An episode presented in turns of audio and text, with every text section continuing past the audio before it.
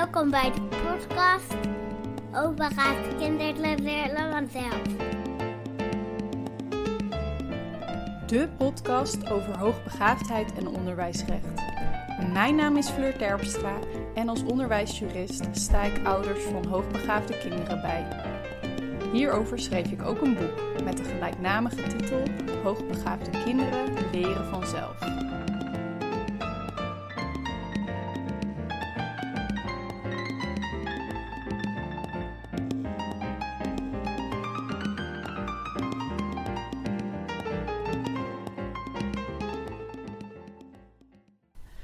Nou, welkom bij weer een nieuwe aflevering van de podcast Hoogbegaafde Kinderen Leren Vanzelf. Uh, vandaag zit ik hier met een uh, hele bijzondere gast, uh, een hoogbegaafd kind. Inmiddels is hij wel volwassen. waarom is hij zo bijzonder? Nou, het is ook mijn broertje, Seger Terpstra. Welkom. Dankjewel. Um, we gaan vandaag eh, een aantal heel interessante thema's met elkaar bespreken. En um, we zullen het in ieder geval gaan hebben over de frustraties die we als hoogbegaafden in deze wereld kunnen ervaren. Maar ook hoe dat kan leiden tot uh, groei en persoonlijke ontwikkeling. En hoe je dat dus ook kunt inzetten. En verder hou jij je ook bezig met iets heel interessants, waar ik zelf nog niet zo heel veel van weet, namelijk de Gene Keys. Ja. Um, maar um, Zeger, ik ben wel benieuwd. Want je hebt uh, ook een heel mooi blogartikel geschreven over jouw uh, jeugd en alle scholen waar je op hebt gezeten en hoe dat voor jou was. Maar wat was voor jou nou eigenlijk het meest frustrerende waar je mee te maken hebt gekregen? Um, dat is een hele uh, lastige vraag. Omdat je wordt natuurlijk continu geconfronteerd met micro-frustraties, micro-agressies. Um, en nou, over, gedurende de acht uh, verschillende scholen, uh, periodes die ik heb uh, ervaren, heb ik natuurlijk heel veel mensen ontmoet, mee te maken gekregen. En nou, de een die was heel gemotiveerd om mij te helpen. Um, de ander wist niet wat ze met ze aan, mij aan moesten. Mm-hmm.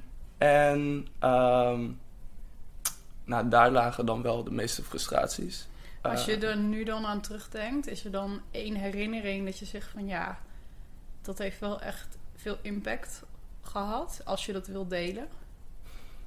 Mm ik denk tegen de tijd dat ik uh, mij echt bewust was van wat er allemaal aan de hand was. Dat ik al zo bij de hand was geworden. Dat het niet zo dichtbij meer kwam. Wat er allemaal gebeurde. Dus uh, ja, waar ik het... Nou, heel, heel kort heb ik dat in het artikel uh, genoemd. Mishandeling. dat heb ik in groep 4 uh, drie, vier uh, meegemaakt. En nou, dat was ook uh, de eerste keer dat ik echt van een school wegging. Om... Hoe, hoe werd je dan mishandeld? Um, nou ja, ik als kind was al heel erg nou, gevoelig. Ik, ik merkte al als dingen niet klopten heel snel dat ik daar wat aan wilde doen.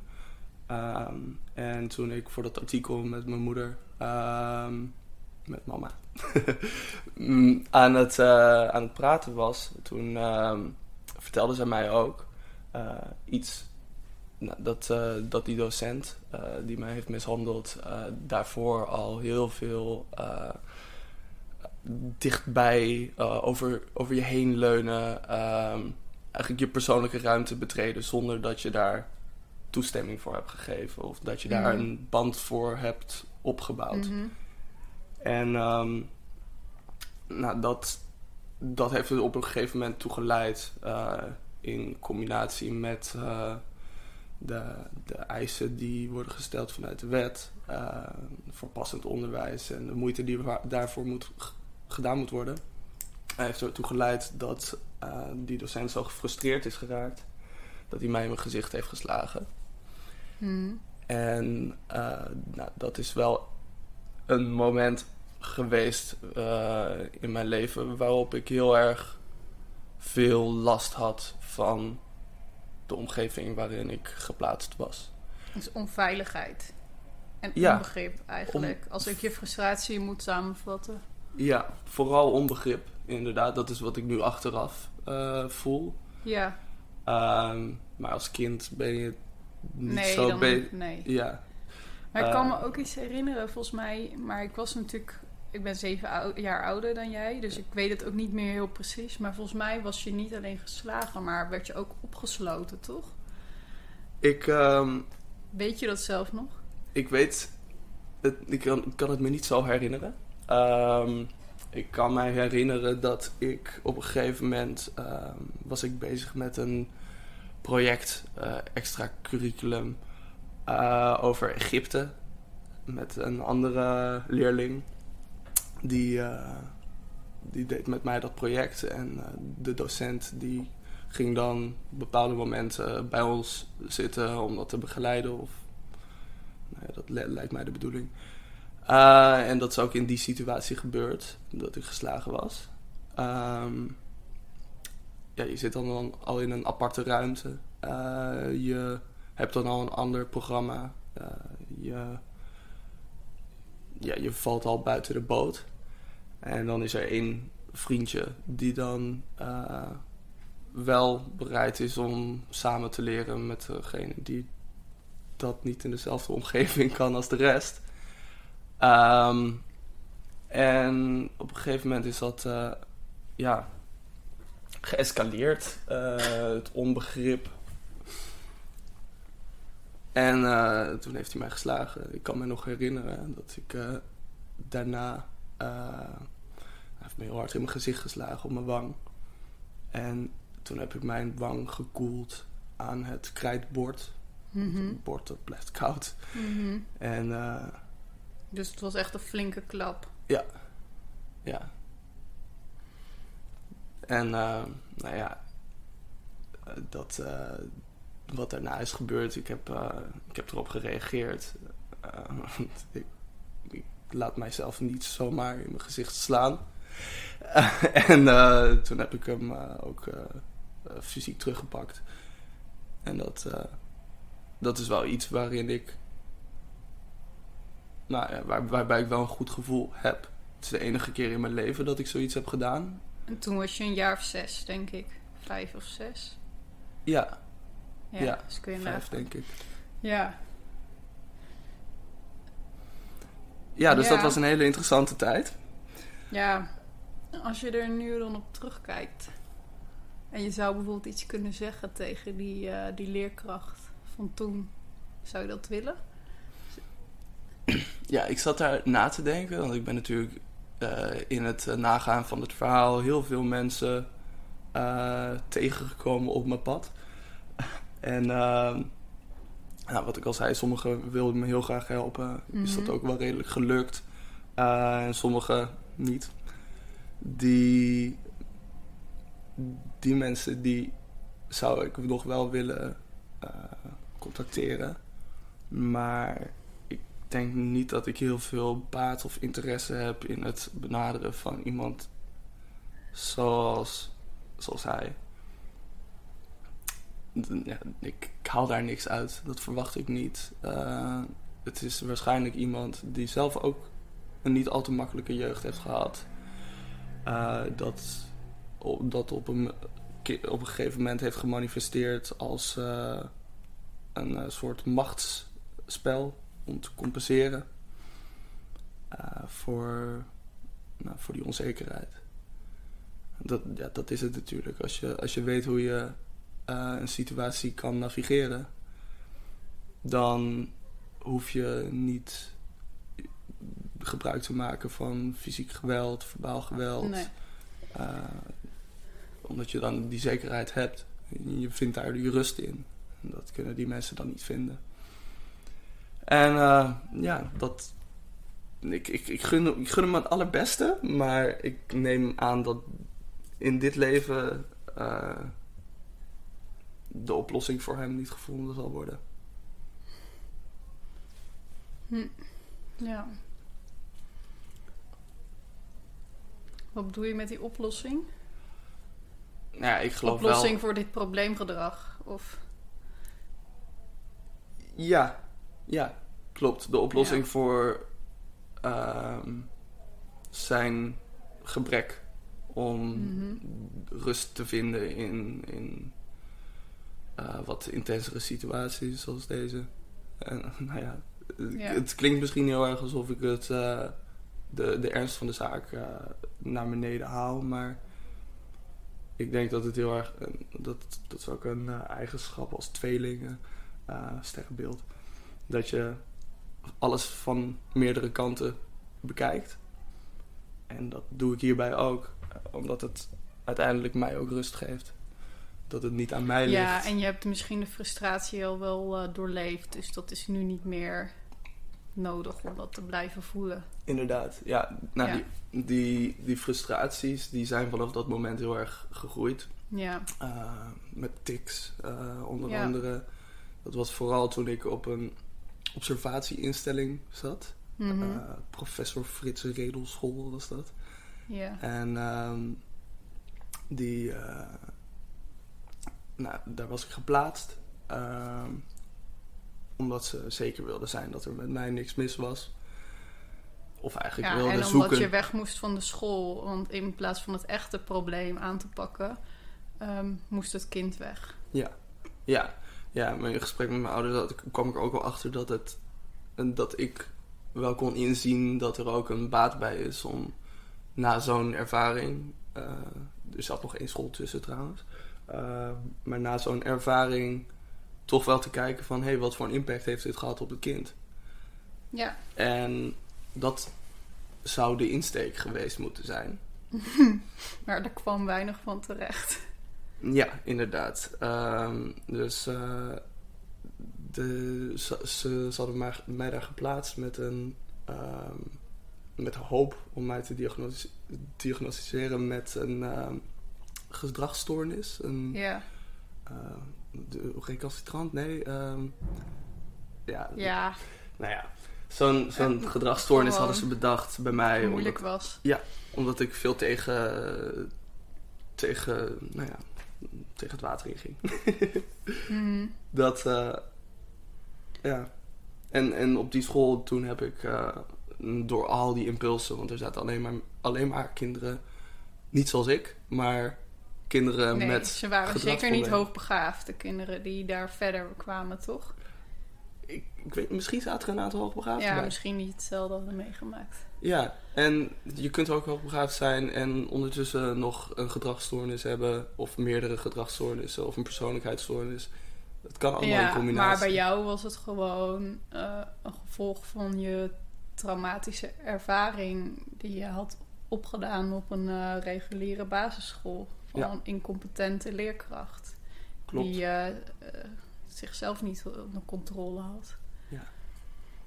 En natuurlijk, dat, die situatie was weer uit, ontstaan uit een verkeerde aanpak. Gelet op jouw eh, individuele behoeften. En omdat je ook hoogbegaafd bent, had je die ook anders dan anderen. Ja, Ja. Ja. Ja, ik ben later nog heb ik een eh, op trial and error basis een ADD-diagnose gekregen. Dus ze hebben mij de medicatie gegeven en vervolgens hebben ze gekeken of het werkte. Nou, eh, volgens mij eh, zei de school dat het werkte en mijn ouders hebben dat op een gegeven moment overgenomen. Zo van, ja, oh, eh, de school zegt dat het werkt, dus het zal wel kloppen. Mhm. Dat is hoe ik het meegekregen heb. Ik weet Mhm. niet of, het, of mijn ouders dat kunnen beamen. Maar ehm, ja, dat, dus, dat is ook zoiets. Dan, dan heb je die hoogbegaafdheid. Je kunt geen ADD-diagnose diagnose stellen, omdat nou, dat wordt altijd verbloemd. Door de hoogbegaafdheid. Ja. En eh, ja, dan is trial and error misschien een goede methode. Maar ja, wat heb je er dan aan? Dan heb je een toegang tot medicatie. Ja, maar met die medicijnen kan iedereen beter werken. Ja, nou ja, dat, dat dachten ze in de oorlog een aantal jaar geleden ook. Eh, toen zaten ze allemaal aan de speed. en eh, mm. zijn ook eh, nummers over geschreven in die tijd. Een pilletje voor de pep. Ik kan u wel vertellen dat ik daar een hoop aan heb. dus ja, met, in- inmiddels is dat een stuk gereguleerder. Ja. En ehm, dat, eh, ja, die medicatie, ik, ik, ik heb er niet zoveel mee. Ik, ik verloor mijn eetlust, Ehm, mijn zin in het leven. Eh, ergens vind ik het heel erg prettig om onrustig te zijn. Omdat, nou ja, er komt al heel veel binnen. Eh, ik kan het allemaal heel snel verwerken. Eh, op het logische, intellectuele vlak. Emotie, emotie, dat moet je voelen, dat kost tijd. Dat moet je verwerken.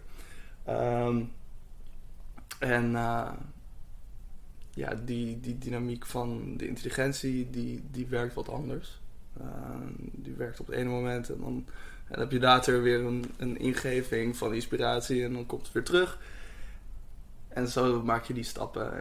En ik denk dat met het lichaam en eh, het gevoel, dat dat, eh, dat kun je echt, nou ja, net als sport, kun je echt ervoor kiezen van ik ga er nu voor zitten. En ik heb met, eh, met het eh, intelligente, creatieve denken, heb ik wel meer dat dat, dat komt gewoon naar boven of dat komt niet op een moment en dan is het oké en dan heb ik de tijd om weer die andere eh, lichaam, geest, ziel te, te behandelen. Zo, zo vul ik mijn dag ook een beetje. Mhm. Dus eh, het is eh, heel veel eten, eh, maken, experimenteren daarin. lezen over hoe het lichaam en de, ge- en de geest en, en al die dingen met elkaar samenwerken, verband houden. Ik, ik bedoel, ik lees ook artikelen over dat, dat ze onderzoek doen naar de elektromagnetische eh, zintuigen eh, van bijvoorbeeld vogel, vogels, die ze vervolgens weer vinden in een proteïne in een mens.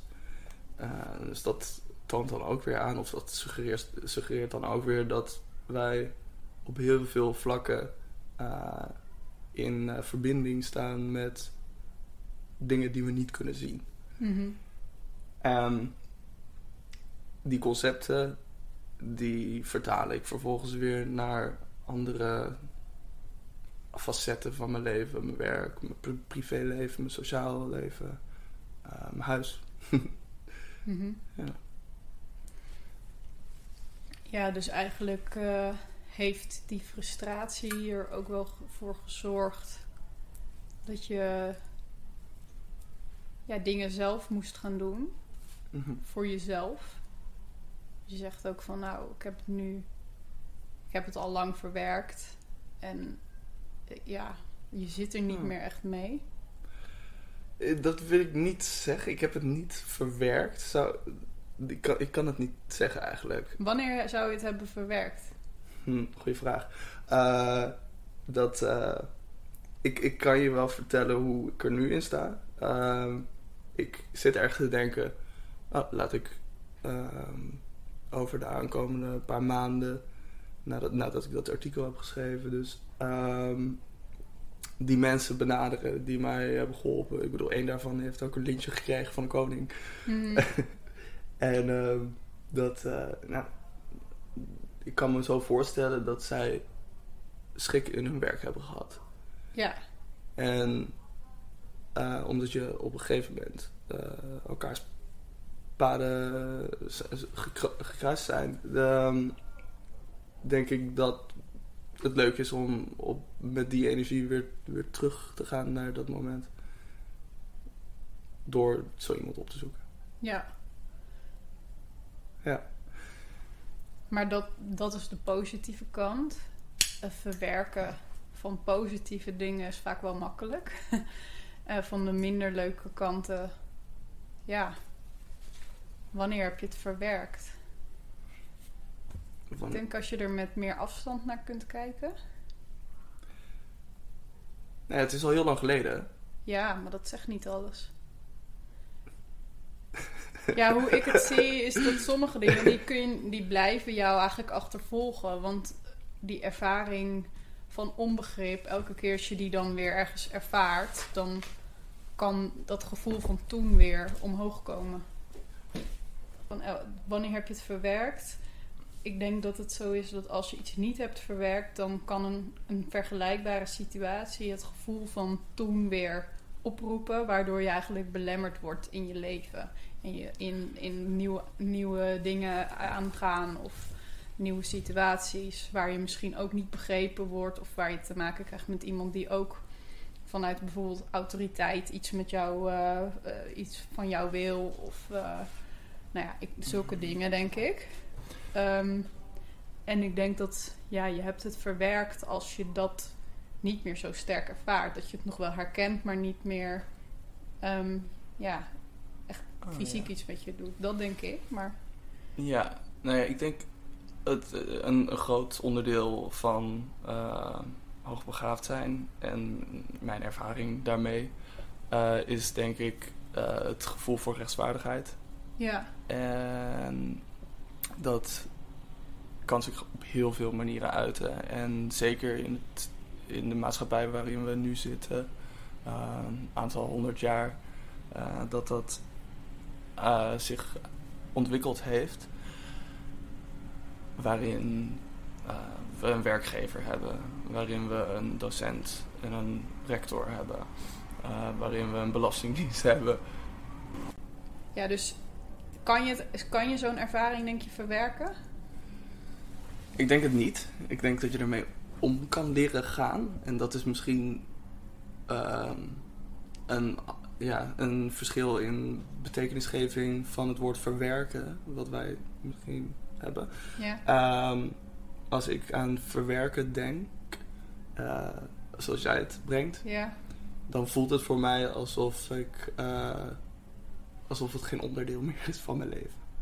Eh, dat, Oh, dat is het nee, dat gevoel. ik inderdaad niet. Dat is het gevoel wat ik erbij krijg. Maar als ik er dan verder over nadenk, dan denk ik, oh, verwerken. Ehm, ik geef het een plek.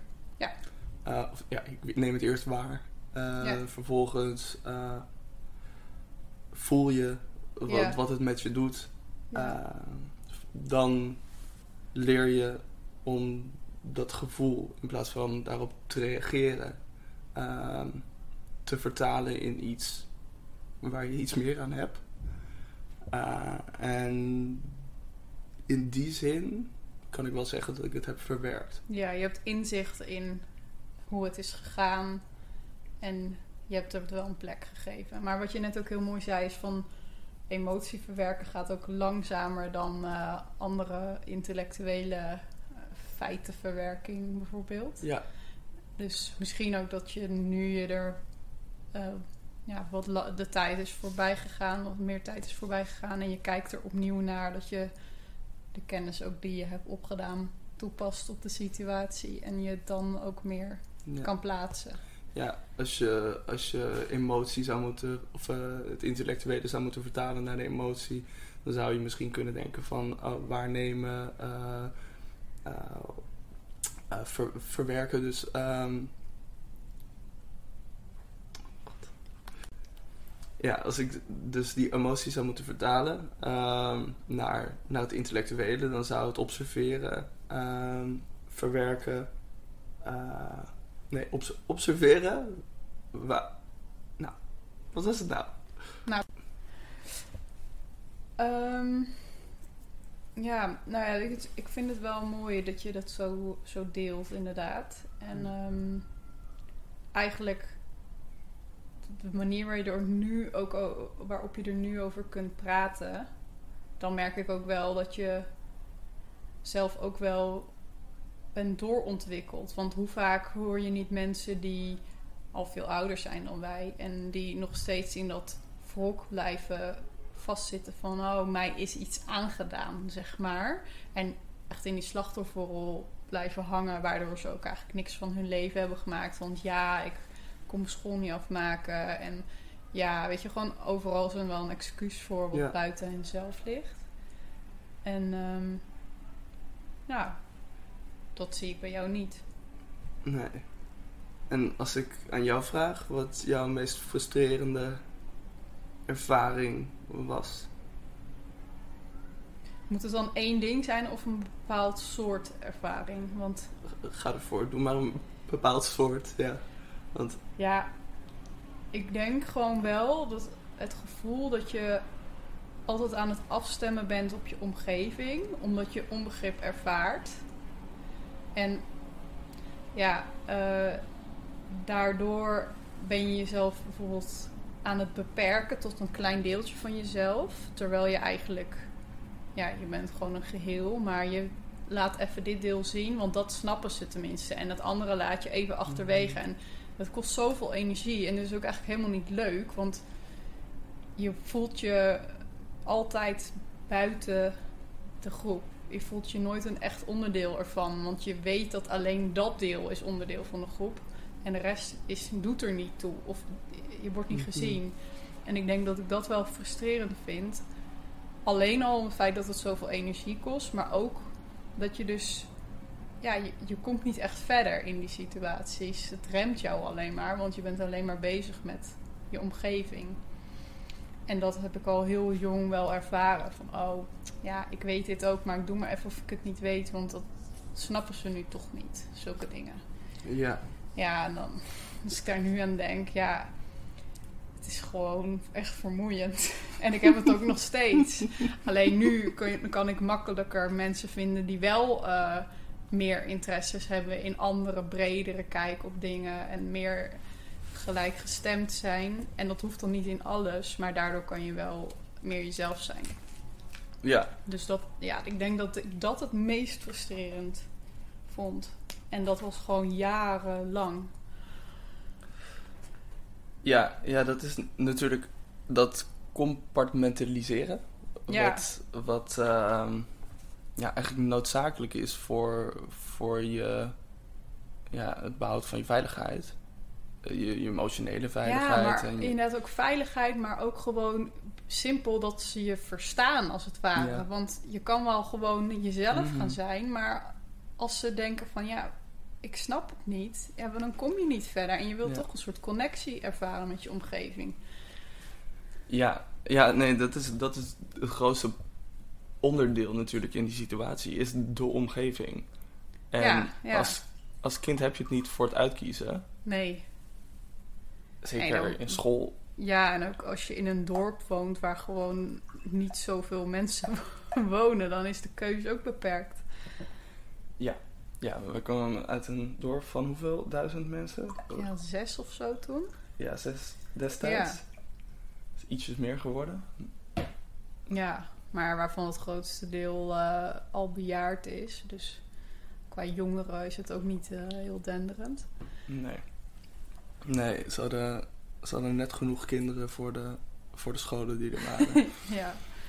ja.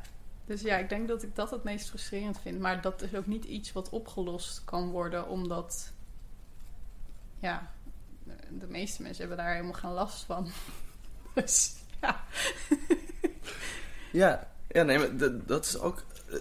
eh, er is een punt geweest dat, dat ik me ook realiseerde dat die afwijking die wij hebben van, Ja. van het gemiddelde, Ja, dat die zo groot is dat eigenlijk niemand die op straat loopt meer kan eh, verbinden met onze belevingswereld.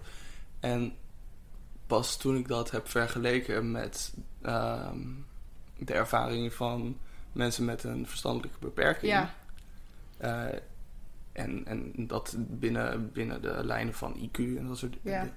Dat ik me realiseerde, oh wauw. Oh. Ja, zo want als je het. dus bij die eh, nou 0,5 of 0,2 procent van de bevolking hoort, ja, nou, dat zijn heel weinig gelijkgestemden. Reken maar uit.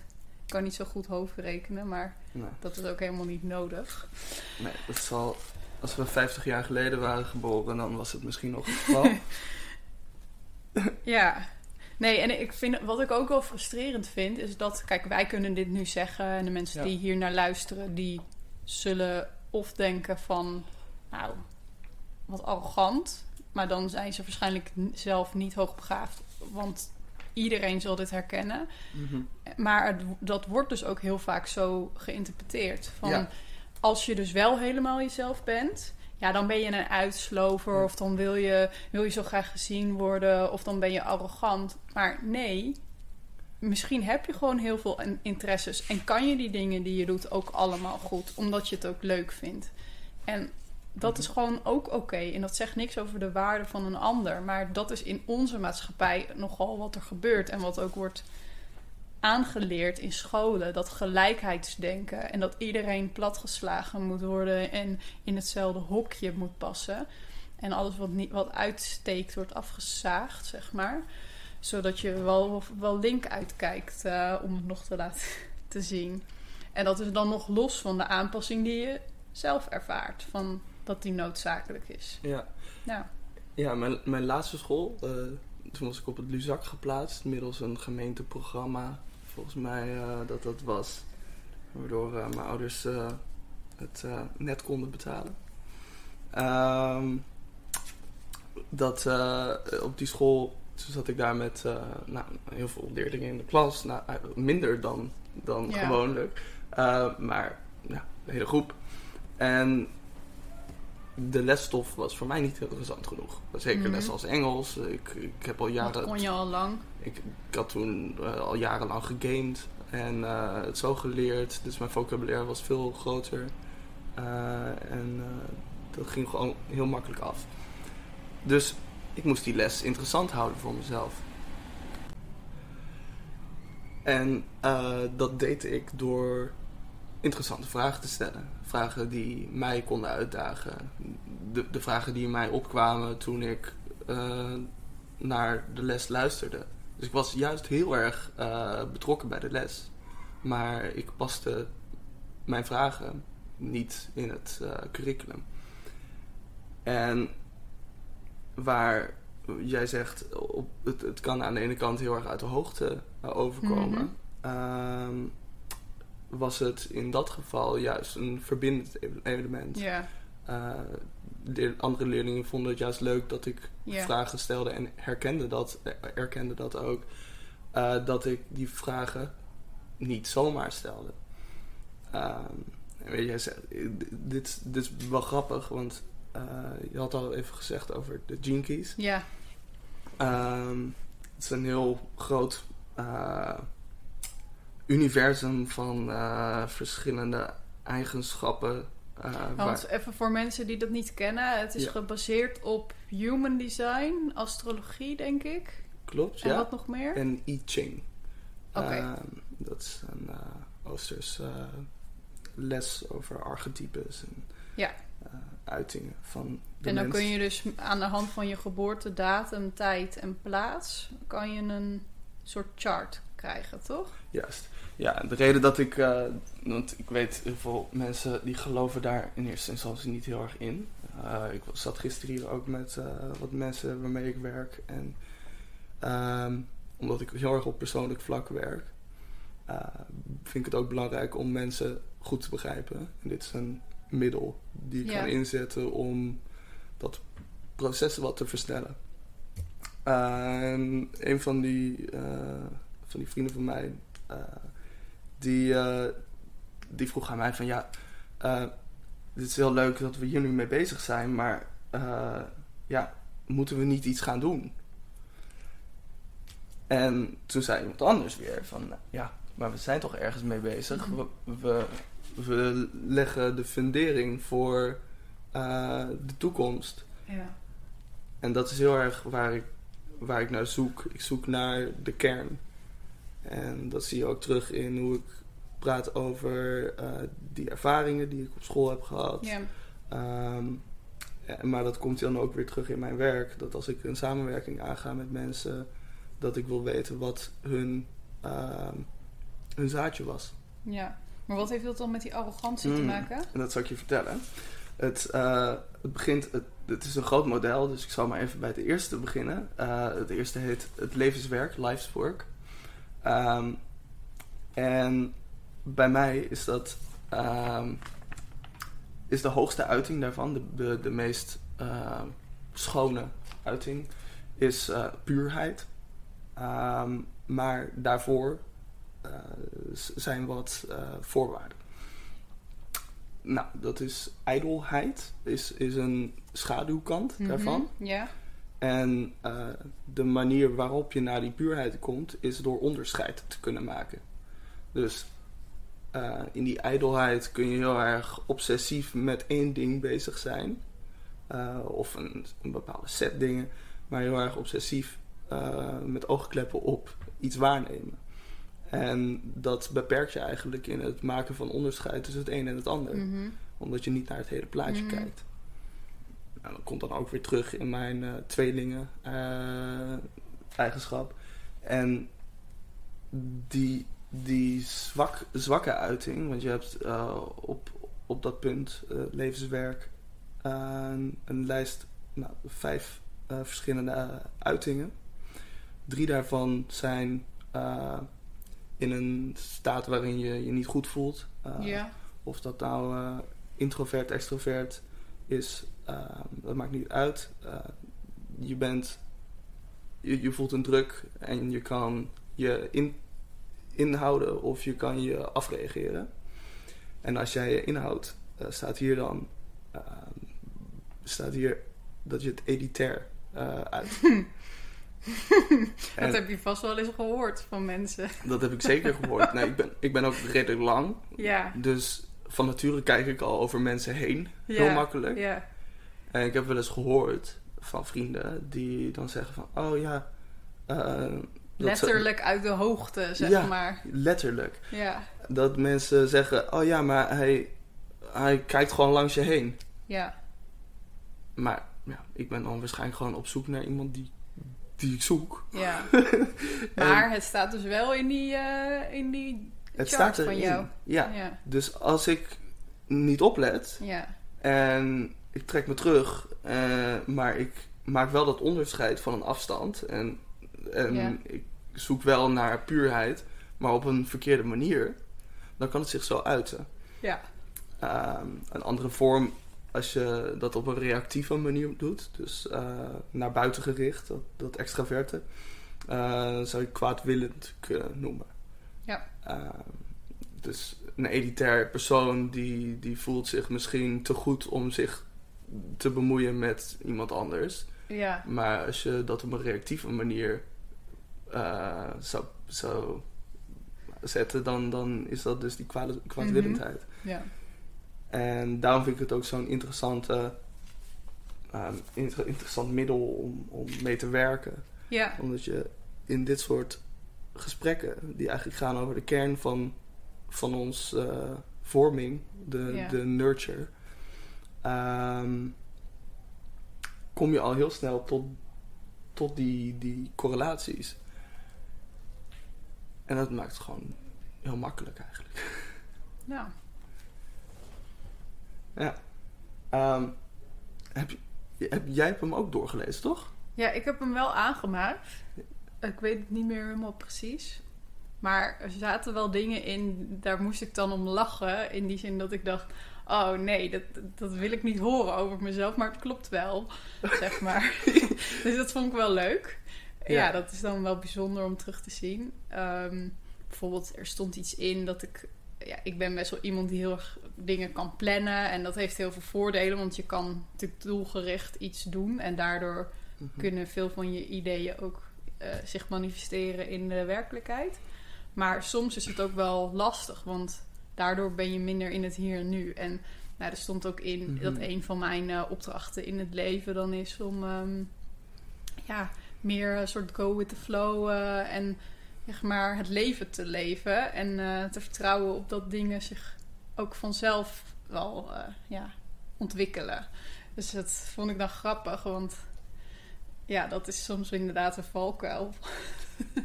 Ja, Ja, ja nee, dat, dat, dat, is, dat is ook iets waar ik, waar ik achter ben gekomen. Er staat natuurlijk in, in dat systeem staat een sch- eh, schaduwkant beschreven. ja, ja. Ehm, maar de les is eigenlijk om dat te omarmen. Ja, En dat niet in jezelf af te keuren. nee, nee, nee, inderdaad. En elke eigenschap heeft ook een, eh, ja, een schaduwkant en een eh, positieve kant, zeg maar. Ja. Zoals ik zeg, met dat plannen, ja, dat is positief. Maar anderen kunnen het soms ook vervelend vinden als het op een soort van controle uitoefenen eh, uitkomt. Wat misschien niet zo bedoeld is, eigenlijk niet, maar ja. Ja. Nou, ik denk dat we wel een heleboel mooie dingen hebben besproken. Ehm, is er nog iets wat je wilt delen tot besluit? Als we het hebben dan over hè, de omgaan met je frustraties of de gene of je eigen ontwikkeling daarin. Misschien een eh, boodschap voor de luisteraars.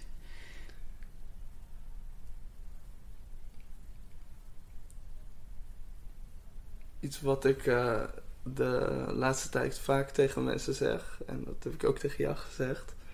En dat zei ik gisteren weer tegen die vrienden van mij.